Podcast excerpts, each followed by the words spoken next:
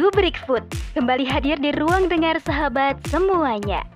Bersama saya, Dewi Fitriana, dengan judul Makanan sebagai obat di era kejayaan Islam oleh Miladia Al-Kiptia.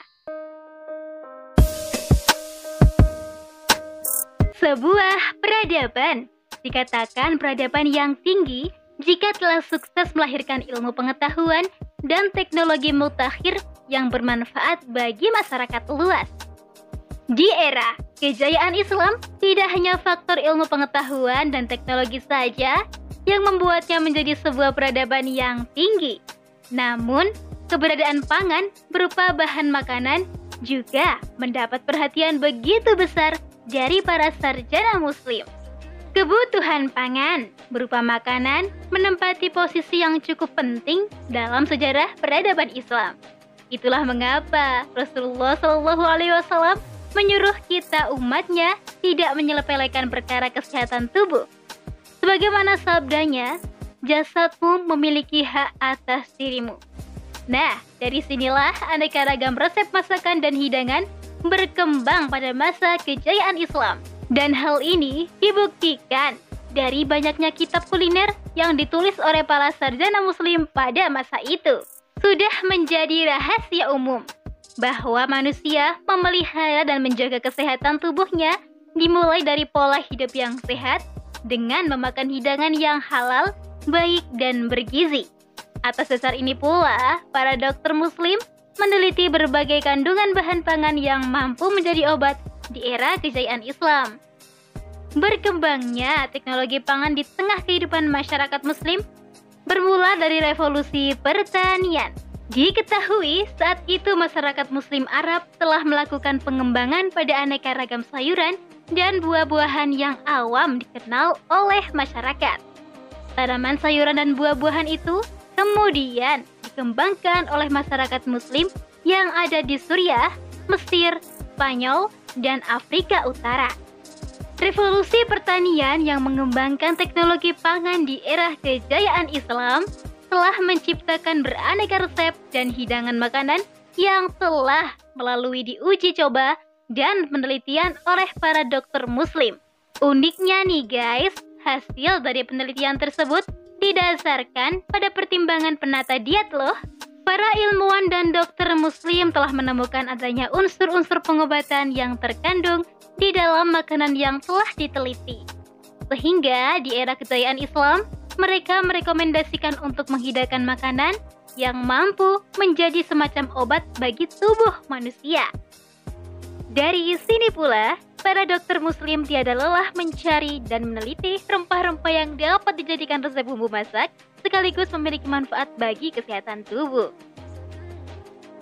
Mereka adalah dokter muslim yang masyur dengan kitab-kitabnya, yaitu Ibnu Said Al-Qurtubi, Abu Marwan Ibnu Zuhr, Abu Bakar Ar-Razi, serta Ibnu Sina. Tak heran jika di era kejayaan Islam terdapat sederet buku tentang resep masakan serta cara mengelolanya. Para koki muslim menuliskan resep tersebut dalam buku-buku mereka.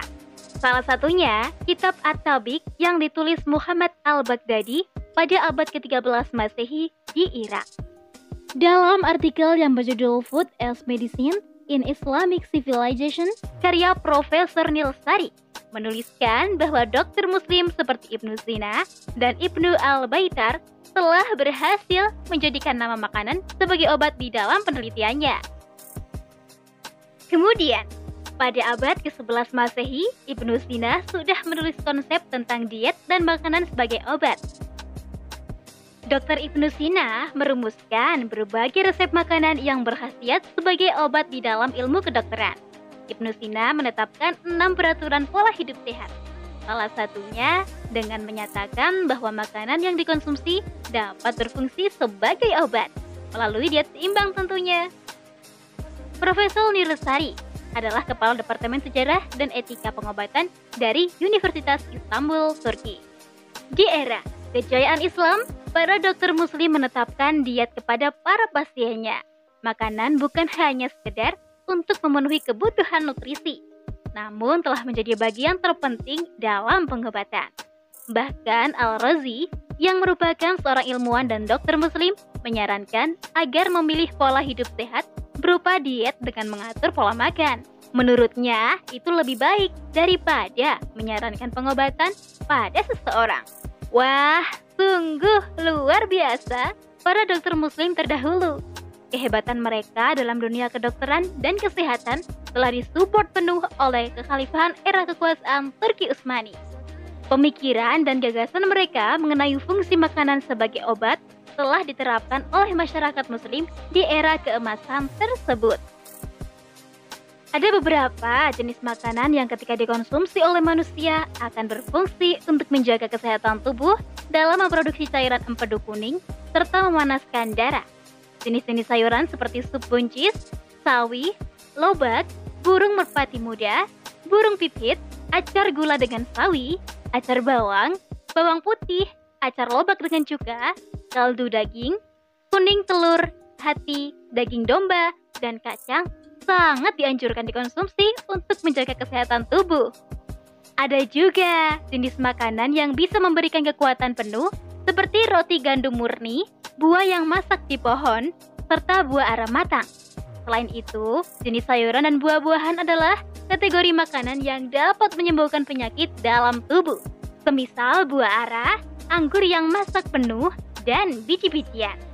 Makanan yang berupa daging burung seperti burung dara dan pipit, serta ikan juga memiliki khasiat sebagai obat untuk menyembuhkan penderita cacat dan sebagai suplai gizi bagi yang menderita sakit. Daging burung yang dimasak bisa menyembuhkan luka luar dan dalam loh. Juga dapat menyembuhkan penyakit atau nyeri otot dan sebagai obat cemas dan juga meningkatkan vital pria.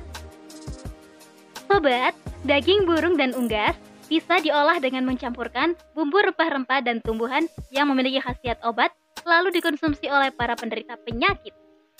Adapun jenis ikan seperti ikan biru, ikan air tawar, ikan lidah, belut, gurame, bas laut, ikan lumba-lumba, dan bonito juga bisa digunakan sebagai obat. Dalam buku medis atau kitab para ilmuwan dan dokter muslim di era kejayaan peradaban Islam diungkapkan bahwa ikan adalah makanan yang paling baik untuk menunjang kesehatan. Dalam kitab tersebut dilengkapi dengan di mana mereka harus menangkap ikannya, cara memasaknya, hingga jenis-jenis makanan yang cocok disantap dengan ikan tersebut. Daging ikan sangat baik loh untuk mengobati batuk kering, disentri, dan penyakit kuning. Masa kejayaan peradaban Islam telah membuktikan keberhasilannya di segala aspek kehidupan. Masa di mana para ilmuwan, sarjana, serta insinyur dari dunia Islam menyumbangkan berbagai kontribusi mereka terhadap pengembangan ilmu pengetahuan dan teknologi, serta kesenian dan kebudayaan, sebagaimana tradisi pengobatan dan sajian hidangan makanan yang halal, baik, dan bergizi di masa Rasulullah Shallallahu Alaihi Wasallam. Lebih hebatnya lagi nih, sejarah kejayaan peradaban Islam mencetak mereka dengan penemuan dan inovasi mereka masing-masing. Oke, sampai di sini dulu rubrik food kali ini. Jangan lupa pantengin terus podcast-podcast Narasi Pos Media supaya makin tahu, makin banyak ilmu. Wassalamualaikum warahmatullahi wabarakatuh.